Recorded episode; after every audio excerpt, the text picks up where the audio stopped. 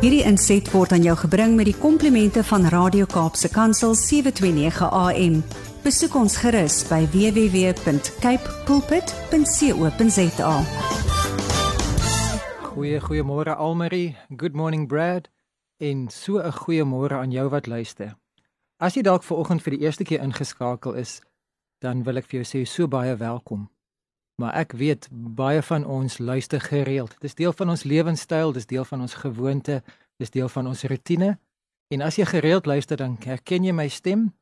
Jy weet ek is die skraal ouetjie wat nogal vinnig praat, maar hopelik wat daarom dikwels ook sens praat want ek praat nie net namens myself nie. Ek praat uit die woord uit ook. Ek praat namens dit wat die Here op my hart geplaas het. In die afgelope maande al is my tema oorkoepelend ek praat oor bome. Dit wat ons kan leer van bome in die natuur, dit wat ons lees van bome in die Bybel, dit wat ons raak sien van bome in ons omgewing en in die gemeenskap en in jou eie persoonlike lewenswandel. En dan selfs ook het ons 'n paar Afrikaanse idiome bekyk wat rondom bome is. Vandag gaan ons terug na die woord toe. Ons gaan in die Nuwe Nuwe Testament in die Evangelie van Markus gaan ons 'n paar verse lees en ek is redelik seker dat baie van julle het hierdie ten minste al een keer gehoor en baie van ons het dit al 'n hele paar keer. Ons is baie bekend hiermee. Maar kom ek lees vir julle van mense wat soos bome lyk. Ek lees uit Markus hoofstuk 8 vanaf vers 22. Hulle kom toe in Betsaida aan. Die mense het 'n blinde man na Jesus gebring en hom gesmeek om hom aan te raak. Toe vat hy die blinde man aan die hand en lei hom uit die dorp uit weg.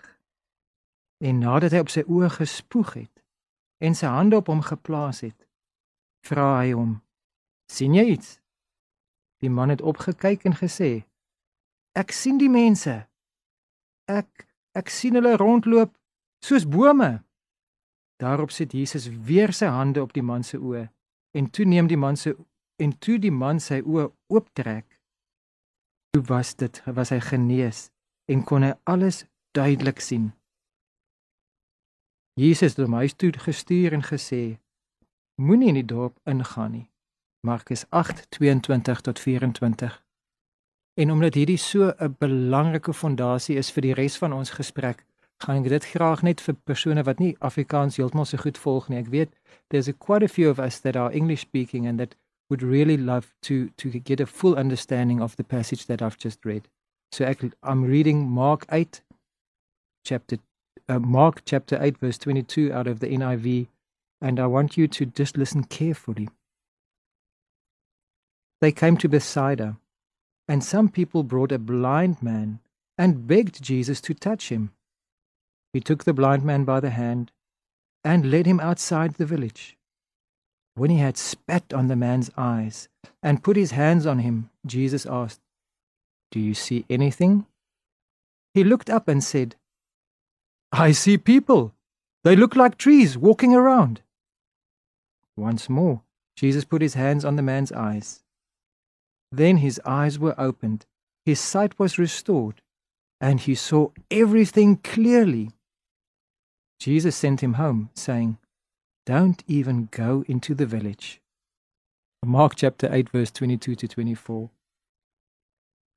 Hierdie is daar's soveel fasette aan aan hierdie aan hierdie gedeelte en ons kan lank praat oor die feit dat Jesus wonderwerke doen en dat daar so iets is soos genesing en dat die Nuwe Testament vir ons ook as gelowiges die opdrag gee om fisiekes die hande op te lê en hulle en vir die Here te vertrou vir genesing. Ons kan ook raak sien in in hierdie gedeelte dat Jesus die enigste seun van God wat self God is in in sy wese gelyk aan God die Vader wat almagtig is dat Jesus se eerste om dit so maar menslik gesproke te noem sy eerste poging om om om die blinde man te genees was net gedeeltelik suksesvol.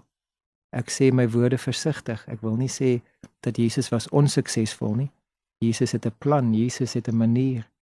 Maar op die oog af lyk dit asof die blinde man net gedeeltelik genees is na die eerste vreemde aanslag want Jesus het so waar gespoeg en van sy spoeg op die man se oë gesit wat 'n vreemde en selfs bietjie grillerige metode van genesing.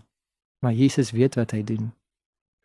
Nou kom ons gaan nie vanoggend heeltemal so diep daarin dat dit vir Jesus dan nou 'n tweede keer gevat het om sy hande op die man te lê en daarna het hy ten volle genees nie.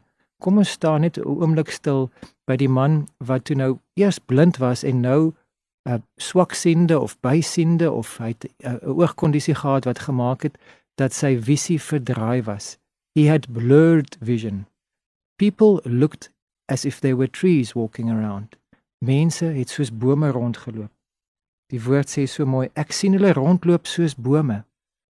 En toe het Jesus weer vir hom gebid en sy oë is ten volle herstel ek is nie blind nie, maar uh nou dat ek in my vroeë 50e jare is en ek is in my lewe lank iemand wat bril nodig gehad het om my visie te versterk. As ek nou my bril neersit, moet ek mooi kyk waar ek hom neersit want as ek hom dan soek, dan moet ek weet waar om te soek anders moet ek regtig rondtas want my oë het regtig daai bril nodig. Dan met die bril kan ek gelukkig duidelik sien. Ek kan mense se glimlagte op 'n afstand raak sien. Ek kan die vonkel in hulle oë raak sien ek sien goed genoeg dat ek my motorlisensie het en selfs 'n kode 10 PDP wat dat ek um, vir, vir betaling mense kan rondry wat ek dan ook deeltyds as 'n vryskut doen. Maar as my bril nie op is nie, dan is my visie geblur, dan sien ek nie duidelik nie, dan het dan het ek beperkte visie. Mense lyk dan vir my onduidelik. En in my geval is daar dan 'n kits oplossing, sit net jou bril op en dan sien jy weer. En as dit nou maar al is wat ons moet doen om om die bril op te sit om duidelik te sien dan is dit 'n vinnige oplossing. Maar soms wil die Here jy sê ons moet met 'n ander perspektief kyk. Ons moet anders na die lewe kyk. En as deel van ons tema oor bome wil ek jy sê dat ons moet kyk na mense asof hulle is soos bome wat rondloop. Nie omdat ons verward is of omdat ons bysiende is nie, maar omdat ons so baie kan leer uit hierdie metafoor. Ek sien hulle rondloop soos soos bome. Nou ek beleef myself soms soos 'n kalm palm op 'n eiland. Maar dit is nie wat die Here van my verwag nie. Hy wil eintlik hê ek moet in 'n bos geplant wees, naby aan die mense rondom my, dat my skouers en my takke skuur aan die mense wat met met wie my wie ek my lewe deel. En die woord sê so mooi in Jeremia 7, ons is soos 'n boom geplant by waterstrome. Psalm 1 sê dit ook, Openbaring se laaste hoofstuk sê dit ook. So ek kan myself ook beskryf as 'n boontjie langs 'n stroompie. Maar hierdie boontjie het al groot geword want die Here het vir my baie al gevoed.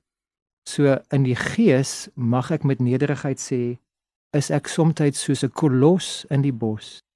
Maar in die in die, in die vlees is ek eintlik maar net 'n klein boom met 'n groot skaduwee. Ek is 'n uh, 1 meter 76, is 'n skraal mannetjie, ek is 'n klein boontjie, maar die Here gee vir my die voorreg dat ek my my skaduwee mag vergooi. En vandag wil ek jou aanmoedig dat jy jou skadu weer gooi. Nie noodwendig op Radio Kaap se kansel nie, maar daar waar jy is, laat jou jou skadu weer gooi. En omdat ons in 'n bos is, om, omdat ons nie alleen is nie, wil ek ook leer by ander mense. Ek het 'n klomp gedagtes rondom praatjies wat ons vorentoe gaan doen. Ek wil gaan kyk in die geskiedenis wat sy invloed bome gehad het. Ek wil ek wil terugdink in my lewe wat 'n uh, impak bome in my lewe gehad het. Ek wil die woord bestudeer en elke insident waar bome genoem word, wil ek ontleed en met julle deel. Maar dis alles my idees. Ek wil graag as jy 'n gereelde luisteraar is en jy 'n boom wat brand in jou hart, as jy 'n insident in die woord het of 'n insident in jou eie lewe het, 'n boom in jou omgewing het wat vir jou uitstaan, wil jy nie vir Kaapse Kansel kontak en dan net kortliks vir, vir, vir met hulle deel wat is die boom wat jy in gedagte het? Stuur dit skriftelik en Brad hulle sal dit vir my aanstuur en ek sal kyk daarna en waar ek kan sal ek die inligting wat julle vir my aanstuur deel maak van volgende praatjies. Ek sal so graag hoor van julle want ek wil nie 'n palm op die eiland alleen wees nie. Ek wil in 'n bos staan met mense rondom my wat nie net my beïnvloed en vir my leer nie, maar dat ons mekaar kan leer. Kom ons bid saam. Vader, so baie dankie dat U nou nog vandag genees dat die mense se oë open, dat die blindes genees. Fisiese blindes, emosioneel blinde mense dat hulle weer begin sien waarvoor hulle moet voel, maar ook geestelik blindes dat hulle die lig van u woord en die lig van u gees kan sien.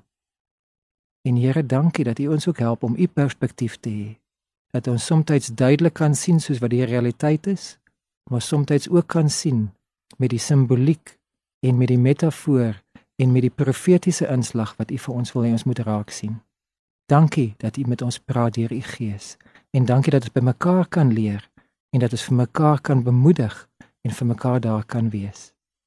Dankie Here dat ek mense kan sien rondloop soos bome en kan weet ek stap saam na met hulle. So, so ek stap saam met hulle nader aan die tuinier wat ons almal geplant het. In Jesus naam. Amen. Hierdie inset was aan jou gebring met die komplimente van Radio Kaapse Kansel 729 AM. Besoek ons gerus by www.cape pulpit.co.za.